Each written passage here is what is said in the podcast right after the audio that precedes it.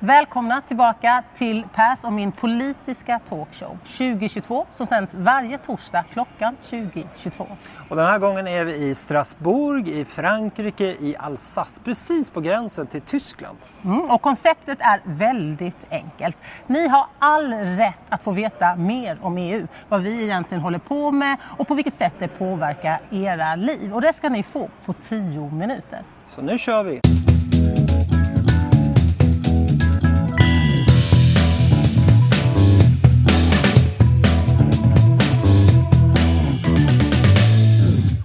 Varför är vi då här i Strasbourg i Frankrike?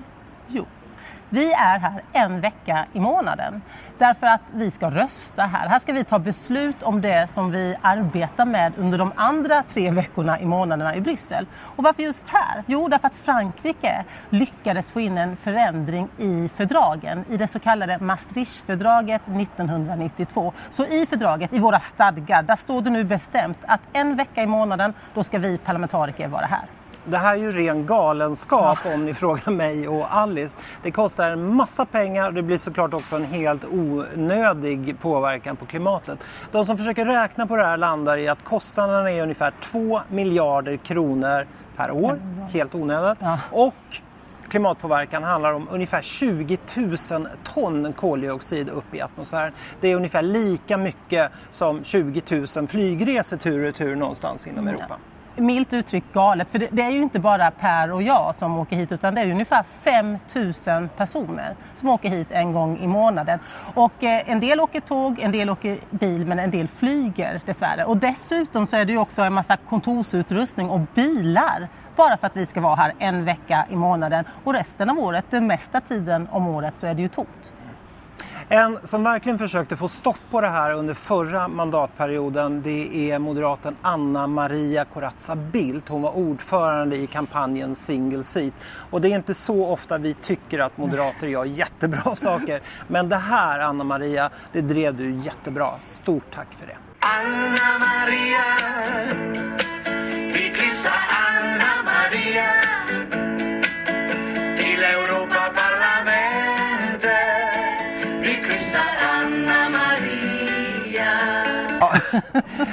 ja, vi undrar såklart vad som egentligen skulle krävas för att Frankrike ska ge upp det här med Strasbourg. Och, och, vi har ingen aning. Men en som borde veta är ju Frankrikes president Macron.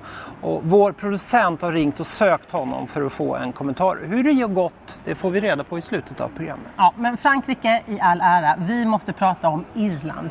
För i lördags var det val i Irland, på Irland. Och de gröna, de gick från två mandat till hela tolv. 12 mandat, en sån seger. Mm. Den gröna ön har helt enkelt blivit ännu grönare och det går ju en grön våg nu över hela Europa. En som ska berätta mer om vad som just har hänt på Irland det är ju vår kollega Grace O'Sullivan. Mm. Och Grace hon är nära oss på flera sätt. Vi sitter bredvid varandra i korridoren. Och det är ju så att hon i ett tidigare liv, alltså hon är ju enormt spännande denna människa. I ett tidigare liv så var hon en av besättningen i det första Rainbow Warrior Greenpeace-skeppet. Och hon var ju till och med en del av besättningen när den franska underrättelsetjänsten bombade och sänkte skeppet 1985. Mm. Hon är forskare och hon sitter med mig i miljöutskottet och där driver hon framförallt frågor som handlar om fiske och hav. Och därmed driver hon ju vidare mm. det här fantastiska arbetet som vår Isabella Lövin gjorde under hennes år i Europaparlamentet. Och som om det inte vore nog med det, vet du om att Grace också blev eh, irländsk mästare i surfning Nej, men det är 1981? Ja, och nu är hon här! Ja, och hon, men hon har ju kryptonit i, i fickan. Welcome, Grace, Welcome. to our show 2022, and congratulations to the fantastic results in the elections. Uh, how come you gain so much votes? Well, obviously hard work, but uh, you know, we went from just uh, two in our lower chamber and myself in the Senate uh, in the course of a few short years to 12 people being elected now. So it's really significant. It means that we have an opportunity to really develop uh, and influence the policy in Ireland going forward. But why? What's the key? So, well, uh, you know, uh, it's the hard work, but it's also the green message. So people recognise that the Green Deal is front and centre here in, Ar- in Europe and also in Ireland. We really have to pull up our socks because we've been called laggards. Our Prime Minister in the last government, he called us laggards, which means really slow in terms of climate mitigation, adaptation. And um, so, in terms of the Greens, the people see that we're reasonable people. We do what we say, and we're, uh, we can be trusted. So, on that basis, I think we've done extremely well. we're very happy. Extremely well. And what will happen now? I mean, how, Yeah. how, can you give us some gossip? Because I know there are negotiations going on. Yeah, there's negotiations going on. So the political landscape in Ireland has changed completely since the foundation of the state. So we've been ruled for uh, for many many years by two predominant centre-right parties, one or the other. But now we have a left nationalist party who is actually who has really been successful in this election. So they, it's the first time that they have done so well. Uh, their leader is, is a woman. Uh, she's very articulate, very, very good, very impressive. So she's now really the person who's doing the negotiation with the former, uh, uh, the former centre um, right parties, but also uh, she's dealing with the left. So we have a lot of small left parties. So she will negotiate with the Greens, with the People Before Profit, Solidarity Party, Labour Party, and a number of parties. But it is extremely complex because the two large, what were the larger parties, they don't want to get involved with this party because they have a, a Republican background, uh, some of the history is not very savoury, so that creates problems. So watch this space. Yes. Ireland Yeah. is an interesting place, but for the Greens, we've done really well. We've worked hard and we've got the results, and that's critically important for the environment and for climate change. I guess we need to invite you once again, in, maybe in a few weeks or months when we know more what yes, will happen. we will. Yeah, I would love that. Yeah. Thank you. Thank you very much for guesting the show, and I'm really looking forward to continues cooperate with you Yeah. in all Yeah. these issues. Thank and you thank so you much. so much for all your work too. Uh, thank you. Nu blir det ett, ett tvärt kast från viss glädje eh, och förväntan till sorg och vrede.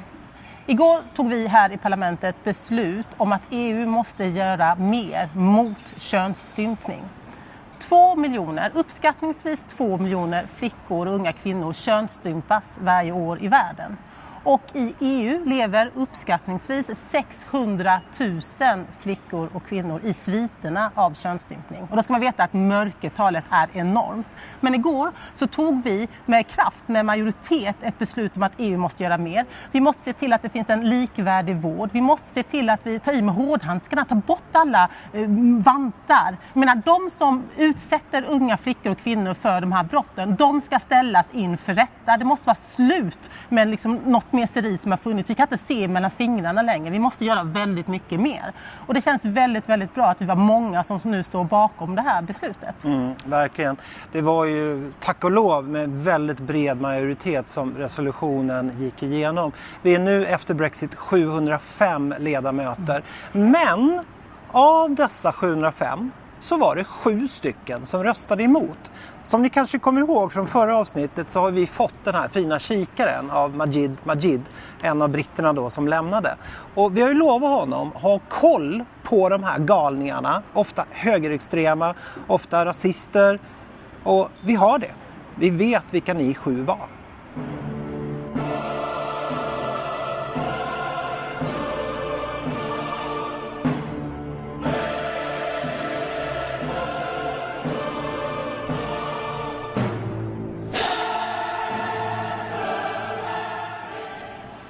Och inte bara högerextrema den här gången, tre sossar också. En annan sak som var på bordet igår det är ju om EU ska investera 300 miljarder kronor i fossilprojekt. Och vi i Miljöpartiet röstade givetvis nej. Men de svenska centerpartisterna och liberalerna de röstade för. Ja, och det, är ju, det där måste vi ju påminna om. Ena veckan sitter man och pratar vitt och brett om klimatnödläge och hur viktigt det är att vi gör allt för klimatet. Och andra dagen så vill de investera 300 miljarder kronor i fossilgas. Det måste vara nolltolerans även där. Veckans värsta väder måste ju vara stormen Kiara. Definitivt en av de värsta sakerna som har hänt. Det drabbar ett så stort område i nordvästra Europa över en så lång tid. Vad vi vet hittills så är det ju faktiskt minst nio människor som har omkommit. Jättemånga som blev strömlösa, det blev förseningar i tåg och flygtrafik och som inte vore nog med det. Nu kommer nästa storm, den heter Dennis och den går ungefär i samma fotspår och kommer in över ungefär samma område nu till helgen. Det kommer alltså en till. Jag var ju en av dem som blev alltså, milt drabbade av Kiara. Jag skulle ta mig med tåg från Göteborg till Strasbourg och jag fick istället för att åka ganska rakt ner så jag fick åka lite zigzag i norra Tyskland och jag blev ungefär 6-7 timmar försenad. Mm, men ditt tåg kom fram, det gjorde däremot inte flyget som vår talman Sassoli skulle åka med hit till Strasbourg. Han kom inte alls fram och missade hela inledningssessionen i måndags. Det tror jag är väldigt ovanligt. Men den allra märkligaste väderhändelsen tycker jag och många av mina meteorologkollegor i världen den senaste veckan. Det var ju det här nya värmerekordet på Antarktis. För precis en vecka sedan i torsdags så var det 18,4 grader. Och det kan till och med ha varit den högsta temperatur i Antarktis, på Antarktis på ungefär 120 000 år. Alltså innan den senaste istiden. Men det har varit så varmt tidigare, för 120 000 år sedan? Ja, innan senaste istiden då hade vi också en värmeperiod och den var ungefär en grad över det förindustriella. Alltså ungefär som nu. Det var antagligen varmare på Antarktis då än vad det är nu. Men då var också världshaven minst 5, kanske 10 meter högre än vad de är nu. Och det är med andra ord det minsta vi får räkna med att haven stiger under de kommande århundradena.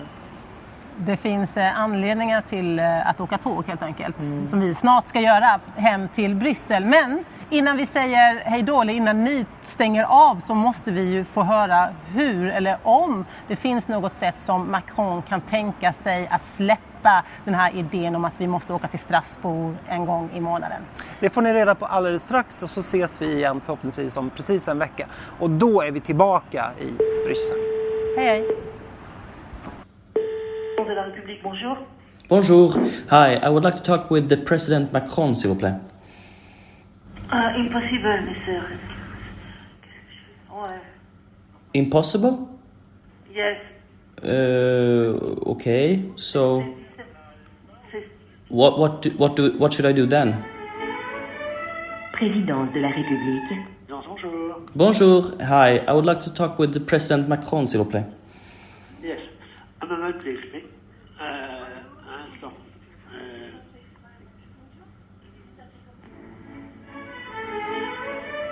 Présidence de la République, nous vous prions de bien vouloir patienter.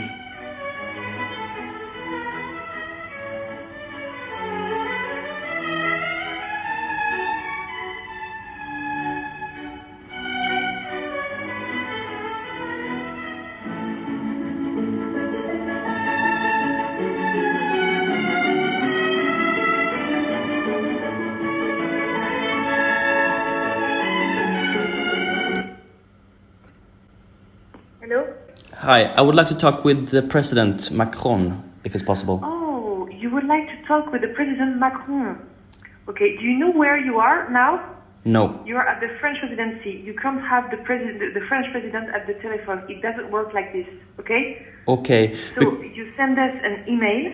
Then I forward it to his cabinet, the, the, the, the, the International Communication Counselor, and then she give me the answer and I give you the answer, okay? But Oh. it's not possible to have the president at the telephone, mister. Okay, Sorry. okay, because I'm calling from a talk show, uh, a TV talk show, and we wish to have a comment from the President. Okay, so send us an email and then we will answer, okay? Okay, thank you. Thank you. Bye.